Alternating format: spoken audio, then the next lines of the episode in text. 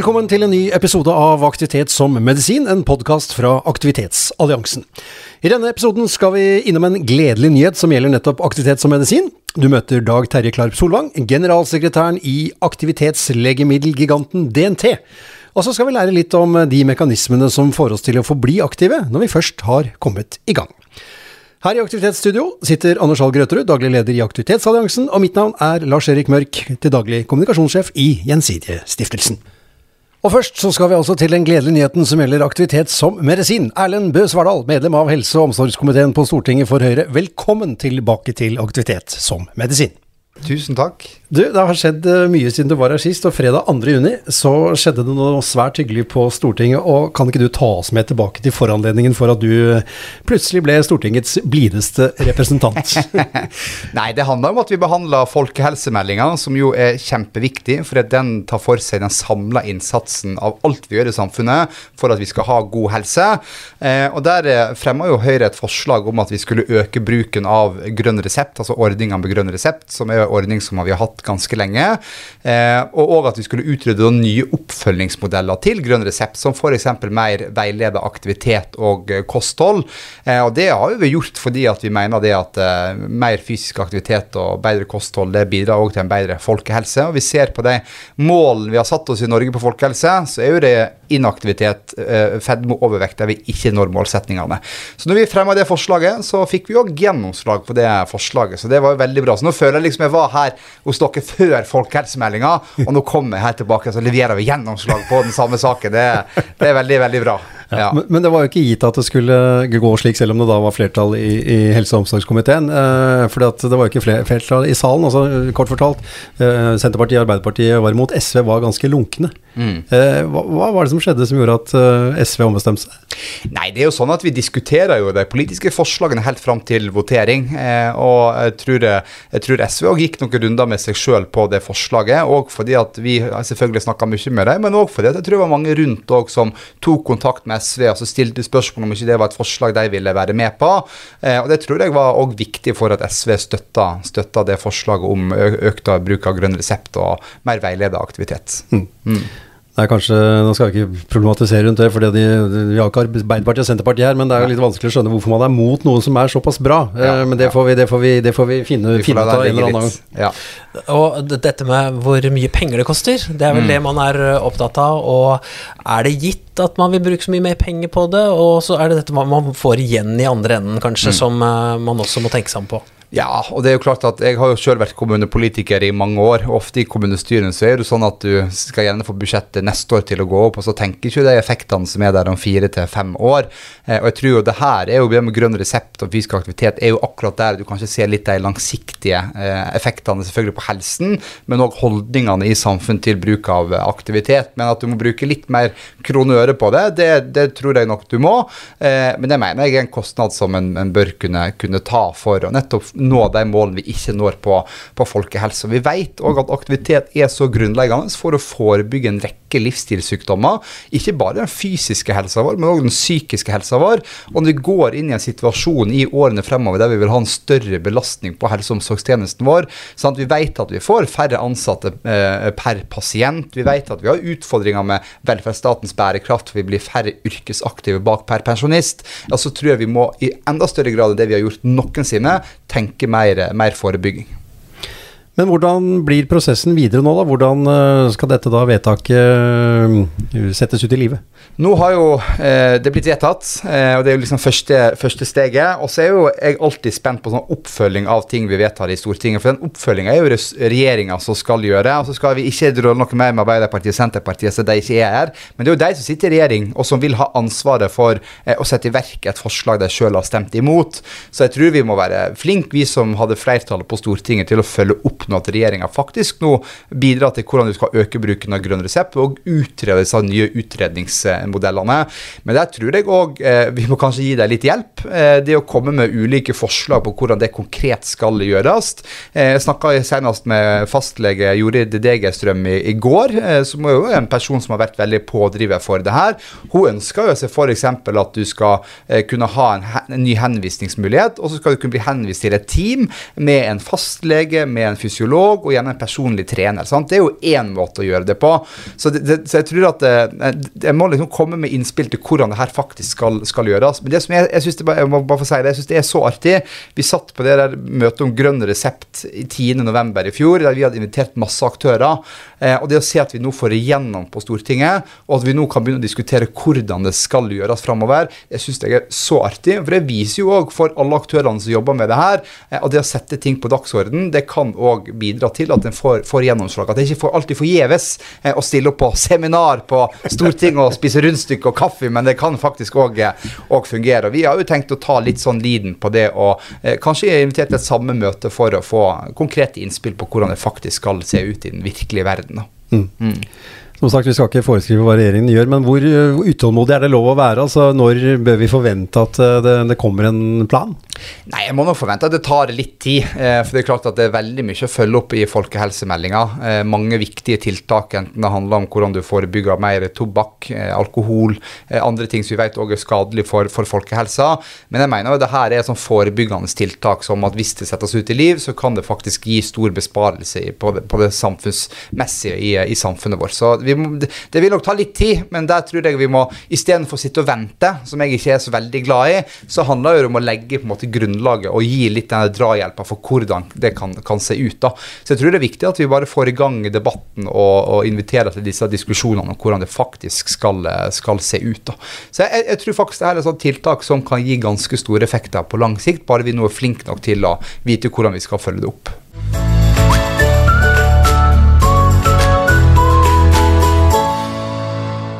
De har levert aktivitet som medisin siden 1868, og i dag, eh, litt spøkefullt sagt, så er over 300 000 avhengige og benytter seg flittig av dette apoteket. Og eh, mannen, eller sjefen for det hele, Dag Terje Klarp Solvang, generalsekretær i Norske Turistforening, velkommen til Aktivitet som medisin. Tusen hjertelig takk for det. Du, altså, du sitter på toppen av en organisasjon som forvalter 22 000 km med sommerløyper og 550 hytter. Eh, noen vil kanskje si en skikkelig legemiddelgigant, hvis vi skal da holde oss til aktivitetsmedisin? Ja, øh, først utfordre det med å sitte på toppen, da. Som generalsekretær i DNT, så er du mer sekretær enn general. Det er jo medlemsdemokratiet vårt som styrer det, og frivilligheten er det viktigste vi har. Og det viser jo også noe om nettopp den legemiddelgiganten vi er, fordi at vi har en million million frivillighetstimer, og vi har så mange som finner glede og livskvalitet i å bidra på vegne av alle andre, og til, tilrettelegge for alle andre.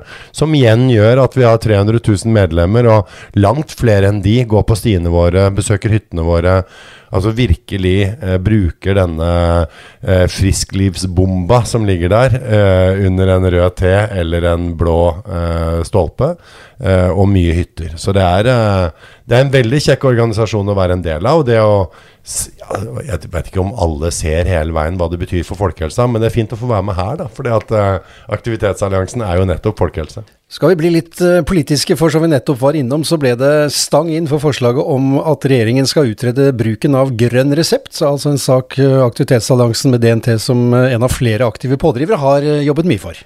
Ja, kjempegledelig. Altså virkelig gledelig. Og jeg tror det eh, Kanskje var vi litt slappe i frivilligheten der og liksom se på oss selv som en viktig aktør der. Det er lett å liksom tenke de, de store eh, aktørene som vil noe, og kanskje også skal tilrettelegge i form av å tjene penger på det.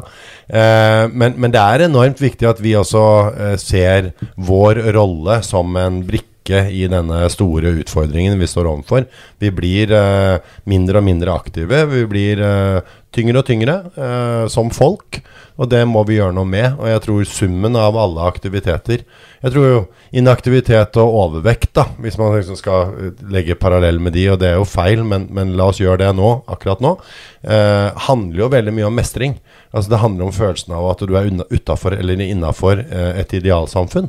Eh, og hvis vi alle legger liksom gode krefter til og sier at eh, det å gå rundt blokka eh, eller å legge inn en ekstra sløyfe på vei til postkassa, er også aktivitet. Du behøver ikke å ha de feteste tightsene eller de kuleste hokaene. Du kan gjøre det i de klærne du har på deg. Og da er ofte det å gå på tur den som har minst terskel, og kanskje også størst grad av inkludering. Da. Hmm. Nå skal jeg ikke tvinge deg til å bli politisk, eh, for du skal helst da være upolitisk når du leder en interesseorganisasjon som skal snakke med alle de politiske partiene, men likevel syns du det er litt trist at, altså, at ideologi kommer i veien for skal vi si, gode, pragmatiske løsninger? Jeg kan fyre meg veldig opp på det, og det tenker jeg på begge akser av partiskalaen i Norge. liksom. Når, når, eh, når troen på markedet eller troen på staten eh, ødelegger for gode initiativ. Altså Jeg er en pragmatisk sjel, eh, og jeg tror på at løsningene finner ofte plassen sin midt i der. At vi må, vi må dele alle eh, gode krefter og, og, slippe folk til. Som, og tru folk på at de har lyst til å bidra til at vi gjør noe med denne utfordringen. Men hvis vi skal drive og mistenkeliggjøre hverandre i alle mulige svinger, så er det Da står vi og spinner i startgropa og ikke får løst det vi det vi har, har behov for å gjøre. Da. Og jeg tror det er nok av Altså, vi kan nok om inaktivitet og, og, hva det fører til, til at det er på tide å begynne å gjøre noe. Og slutte å liksom diskutere hva. Det er heller begynne å gjøre og feile. Litt sånn som røykeloven i sin tid. Altså vær litt modig. Det gjelder jo alle politikere, alle politiske partier. Be brave. Ja, for det er vel ikke sånn at man bare skal gå på tur eller bare skal gå på treningssenter i den sammenhengen der? Nei, jeg tror det, og det å, å hoppe av bussen et uh, holdeplass før og gå den siste delen, eller uh, kanskje følge en eller annen uh, online-trening hjemme fra Altså, alt er jo med på å gi deg et bedre liv og sørge for at du kommer i bedre form. Og du får mer energi av det. Det er veldig mye plussider med det å være i aktivitet. Men det syns jo inaktive De blir jo ofte litt provosert av å høre oss som liksom har knekt den koden, da, og kjenner oss igjen i dette aktive livet. Så, så, så, for hver gang vi prater om det, så blir liksom terskelen enda litt sånn Og det blir vanskeligere og vanskeligere. Så vi må vi Alle vi som leverer aktivitet på et eller annet nivå, må også tenke litt igjennom hvordan vi snakker om det. Mm. Men det med Du sa dette med å gå rundt blokka og nærturer og DNT, det er vel noe som har blomstra opp veldig de siste åra, og som er eh, kanskje noe av den viktigste løsningen her? Ja, jeg tror eh, det er, det er helt rett. Og når vi bevegde oss ned fra fjellet, det er riktignok noen tiår siden, men, men, men vi, jo, vi, glemmer jo å snakke om det, ikke sant? Fordi at de aller fleste forbinder nok DNT med sånne 18 dager i fjellet med, på ett knekkebrød. Men det er ikke mest av det lenger. Det meste nå er jo nær der folk bor. Og etter hvert som vi bretter oss utover langs kysten, 85% av oss bor langs en kyststripe, så, så, vil det jo bli enda synligere for folk. Men det aller meste vi har av tilbudsutvikling, er i byer, nær byer. Og her sitter vi i Oslo, som er et godt eksempel på hva vi gjør. Eh, marka er hellig og godt brukt av veldig mange som bor i Oslo. Ved alle markene, egentlig. Både Lillomarka, Østmarka og Nordmarka. Og det er kjempekjekt å, å se. Uh, men det tilbudet og den tilbudsutviklingen, den skjer over hele landet. I alle foreninger og lag i DNT. Og er nok en av nøkkelen til uh, ja, at vi vi får flere medlemmer, og at flere ser Og vi ser jo at en DNT-medlem er mer aktiv enn en ikke-DNT-medlem. Så mm. vi er en del av oppskriften. Mm. Vi hadde jo en av dine Eller løsningen. Skal ja, en av løsningene. Vi hadde jo en av dine her i forrige episode, Hanan eh, Abdel Rahman, som eh, snakket varmt om kortreismedisin i form av nærturer og, og alle, alle, de tingene som vi kan gjøre for å senke terskelen for å gå på tur. Men eh, altså når vi vet da, nå fikk vi nye tall, eh, 80 av oss sitter for mye stille. Eh, men så svarer jo da 9 av 10 at de er positive til å gå mer på tur. Mm. Uh, har, du, har, du, noen tanker om hvorfor det er liksom forskjell på liv og lære her? Hvorfor vi da altså, velger sofaen framfor å gå tur? Altså, vi ser jo bl.a. at det vi gjør av sånne ferskingkurs, som kanskje er litt sånn Kan hende vi skal uh, finne et bedre navn, men, men sånn ny i friluftslivet, da. Fordi at hvis du er en som ikke har brukt friluftslivet tidligere, uh, og så vet du at for å liksom mestre dette, så må jeg for det første ha utstyr. Uh, jeg må kunne noe om uh, hvordan jeg fyrer opp en, uh, en ovn. for ellers så kommer både jeg og ungene til å fryse i hjel. Jeg må kunne propanapparat, for ellers så kommer vi til å sulte i hjel. Hvis, hvis, du føler at alt dette er små terskler i livet, så er det lettere å velge et kjøpesenter eller, eller sofaen, da. fordi du tenker at nei, det blir for vanskelig. Så et større tilbud og en mer tilgjengelig det å lære seg å bruke friluftslivet. Fellesturer, f.eks. Altså det å lavterskel og bli med på sånn to, eh, Stavanger Turistforening var tidlig ute med 52 hverdagsruter. Altså én ny tur hver uke hele året, og gå, gå gåklubber, da. Eh, gjerne for et litt mer voksent publikum. Men det, og, og det var egentlig et tiltak mot ensomhet. Men jeg tror det der å bare kunne bli med på noe uten at du behøver å ha det beste eller fineste utstyret, fordi at det holder med de skoa du har og de klærne du har. Bare bli med ut på tur. Vi må bli bedre på å snakke om det. Lage dette om til å bli det han han snakker om, altså eh, dette fantastiske nærtilbudet som finnes. Eh, bli med. Kan du ikke, så skal vi lære deg. Men ja. Vi, vi må bare huske å si det ofte nok, for jeg tror nok veldig mange tenker at DNT er de flinke friluftslivet. De som liker å gå bratt og glatt og krevende eller mange dager. Men vi er jo ikke det. Vi er alt annet nå. Eller vi er det òg, men vi er også så mye mer. Men dere er jo da Dere er jo også det litt eh, glansa bildet da av uh, den som står på toppen av et fjell. Og det, det sies jo ofte da at et bilde sier mer enn tusen ord. Uh, men det bildet av en smilende person oppå en spektakulær topp, det det bildet ikke forteller, det er jo det tungsinnet som han eller hun kanskje da mm, har følt i forkant av turen, og som frivillig er med i sekken, da, som vi alle bærer med oss. Uh, har du noen eksempler fra, fra ditt eget liv, eller uh, andre historier du har hørt, uh, mm, der turen har bidratt til et eh, lysere og lettere sinn? Absolutt, jeg bruker det sjøl, jeg. Når, eh, når ting butter litt imot, så er det det raskeste. Altså, eh, altså Man skal ikke undervurdere jeg, jeg går også til psykolog hvis det er så tungt, men veldig ofte så går jeg ut i naturen. Fordi at det er raskere, og, og det er der tilgjengelig. Og det holder. Det, det holder liksom bare det. Dronningen har jo sagt eh, du la problemene ligge nede i dalen når det du behøver å tenke på er hvor du skal sette foten. Og det er noe sånn, det er også en del av nærturen. ikke sant? At du kommer deg ut, du får andre impulser. Du må tenke på andre ting, for du må faktisk tenke på hvor du skal gå. Og det gjelder jo om du går rundt Bygdøy eller opp i Nordmarka eller, eller eventuelt uh, tar Galdhøpiggen. da. Så, så må du tenke deg litt om, og det, det tror jeg er en god sånn få litt avstand til ting. Eh, og så mestrer du, om det er rundt Bygdøy eller oppe i Nordmarka eller hvor det nå enn er, så mestrer du den turen, og så kjenner du at når du kommer hjem igjen da, så angrer du jo aldri. Du er alltid litt lettere til sinns, og du er litt, kanskje litt lysere til sinns. Og så er det én dimensjon til som friluftslivet er helt utrolig vakker på. Det husker jeg var på Jeg har nevnt dette mange ganger, så kan folk har gjerne hørt det. Men vi var på um, eh, DNT Lillehammer og omegn, hadde jubileum. Og så hadde en skole der oppe eh, valgt å lage eh, reklamefilmer som en gave. Da var en medialinje på skole. Så var det en jente som var en av de som hadde lagd film, eh, som hadde slitt med psykiske utfordringer eh, i hele oppveksten sin. Og hun sa når livet er som mørkest, så går jeg ut.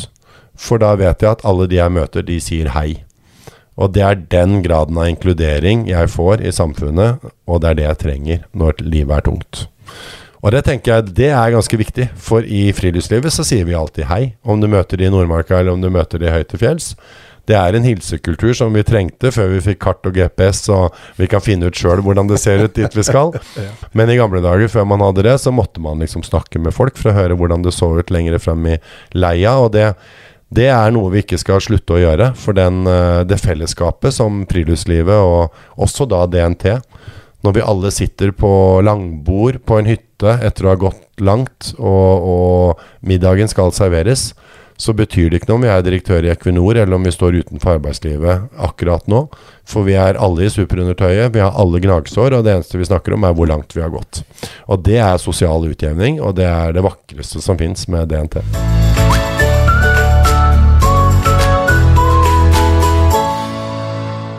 Ja, Da har vi forsterket duoen vår, Anders, med Liss Pedersen Strøm fra Desennium, eh, Sunne kommuner og Idrettshøgskolen. Vår faste bidragsyter. Velkommen igjen, Liss. Tusen takk. Eh, vi hørte jo akkurat Dag Terje i DNT snakke litt om eh, turopplevelsen, det å oppleve mestring. eh, hvor fint det kan være å gå på tur.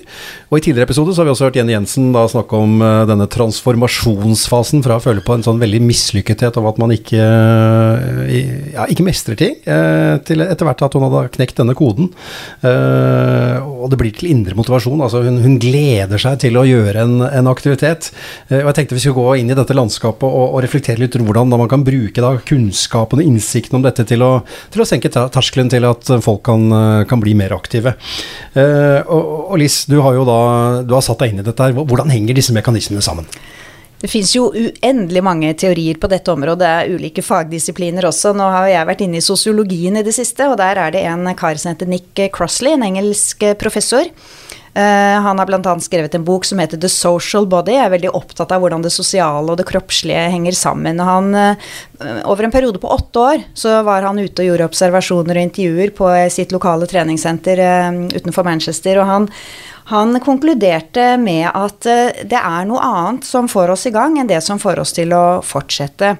Han både observerte, som sagt, stilte mange spørsmål, og, og blant de som da sto i resepsjonen der og meldte seg inn, så var Uh, det var ulike forklaringer de kom med. Det var ja, jeg må gå ned litt vekt, jeg har et dårlig kne, jeg vil gjerne kunne løpe litt fortere igjen. Altså det var forskjellig.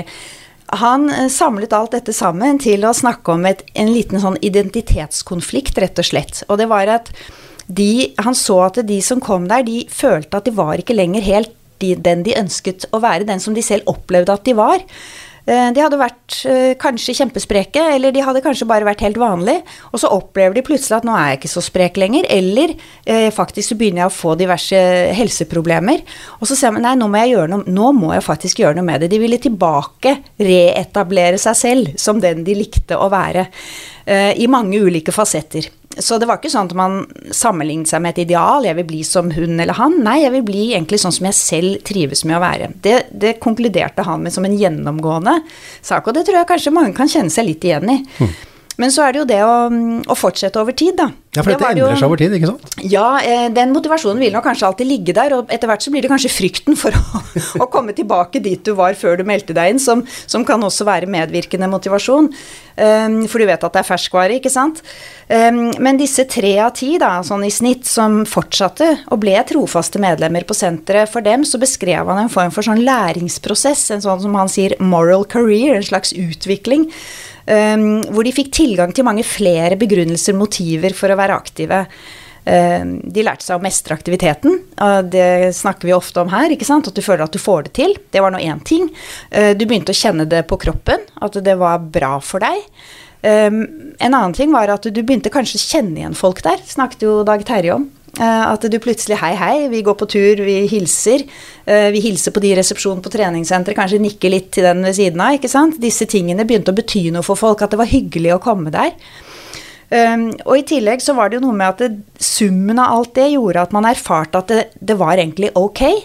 Sånn at de dagene du da satt hjemme og tenkte at nei, i dag har jeg mer lyst til noe annet, eller jeg orker faktisk ingenting, så begynte man å kunne få den tanken som Dag Terje også snakker om, du angrer aldri på en treningsøkt. Du visste det, liksom. Du hadde kjent det på egen kropp, at det er helt sant. Jeg må angre faktisk ikke på det.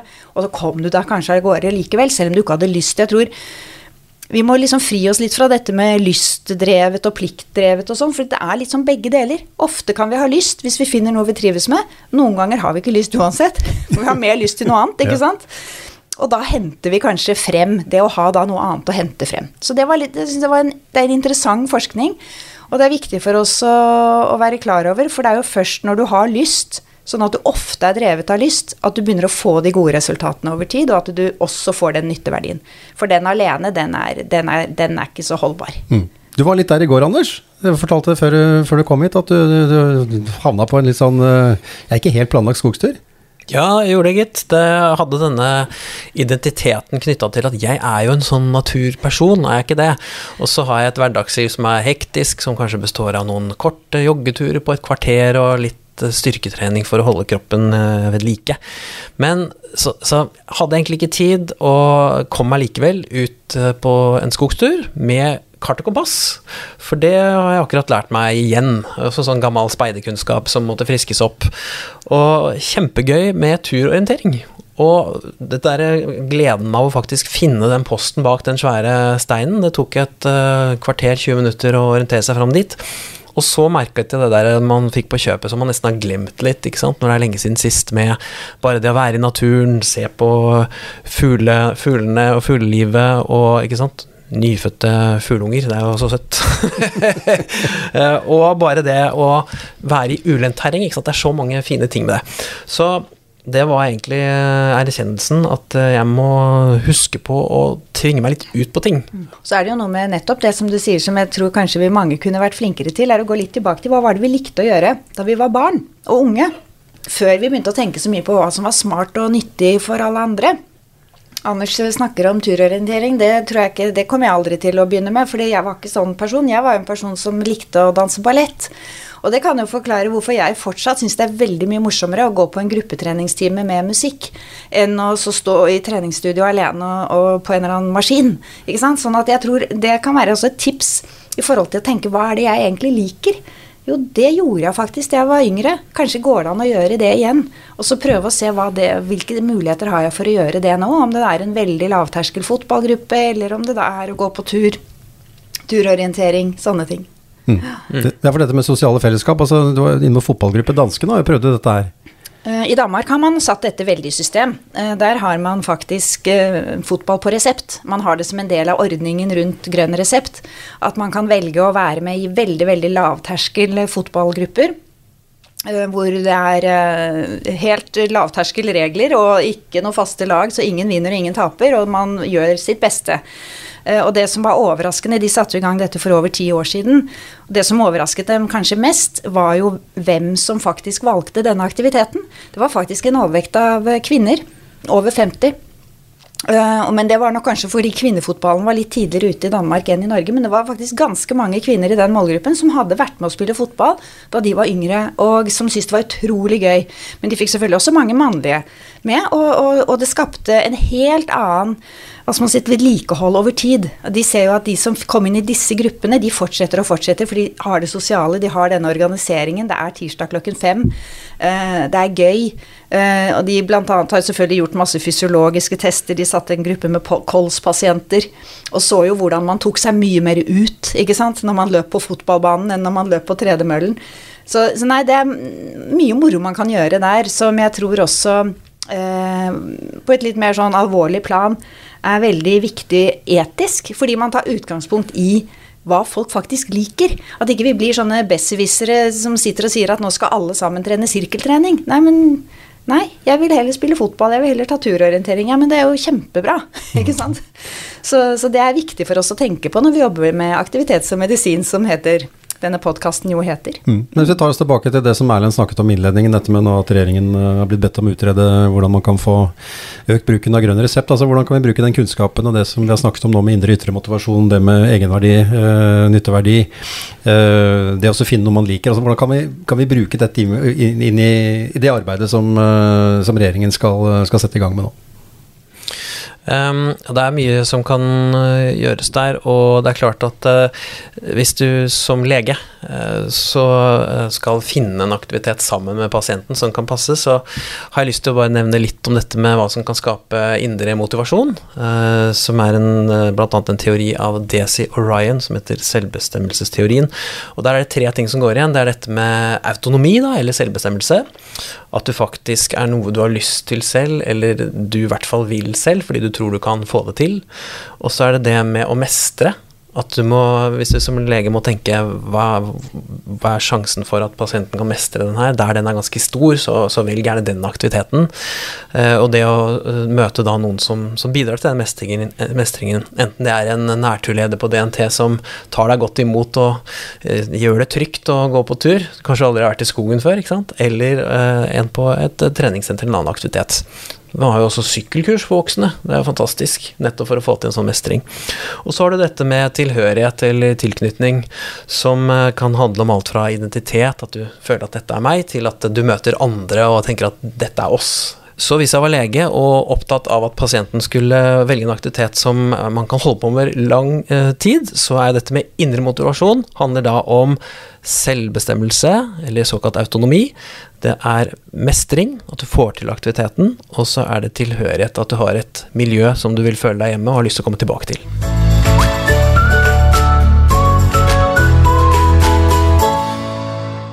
Helt til slutt, i aktivitetsmedisin så har vi jo disse tipsene våre. Og eh, siden det nå er sommer, eh, Anders Elis, så tenkte jeg vi kanskje kunne gi noen gode tips på veien. Altså Vi vet jo at sommeren kan være en sånn tid hvor vi da ja, vi kan få litt dårlig samvittighet, fordi vi ble kanskje ikke så aktive som det vi hadde tenkt å være. Men nå har vi jo lært, da, heldigvis, eh, at all aktivitet teller. Altså, hver, altså selv de små tingene teller. Det gjør de, vet du. Og det blir jo en del små ting i løpet av ferien, fordi vi har jo lyst til å være litt aktive ofte naturlig.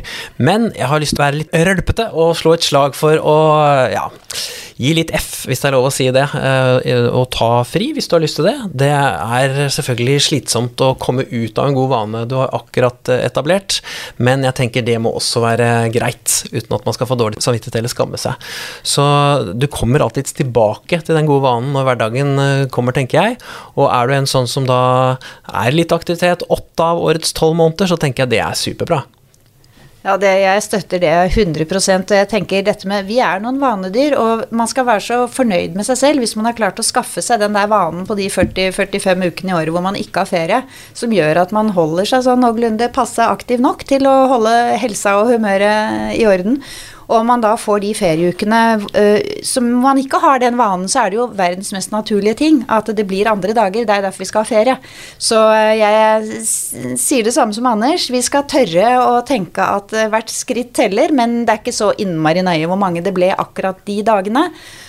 Kose oss, lade batteriene på alle andre måter, og så må vi bare innse at når vi da går i gang i hverdagen i august tilbake til, syns vi det er deilig òg.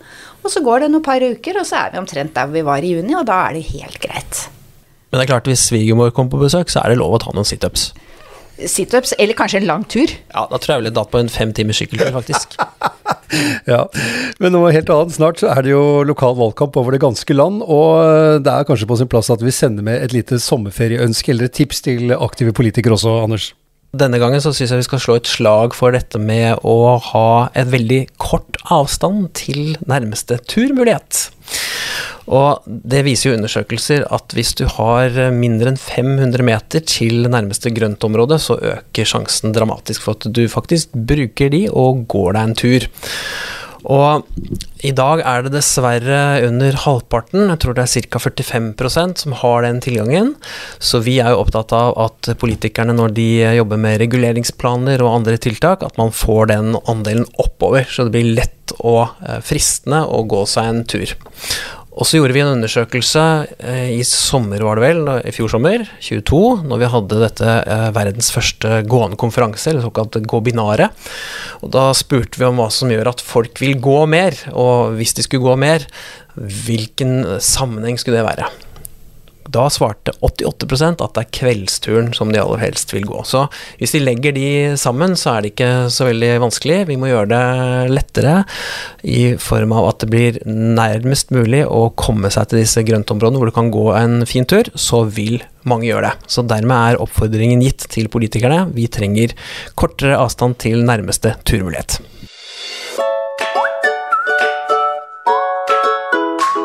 Da gjenstår det bare å ønske god sommer, og husk at den viktigste aktiviteten, ja, det er den du får gjort.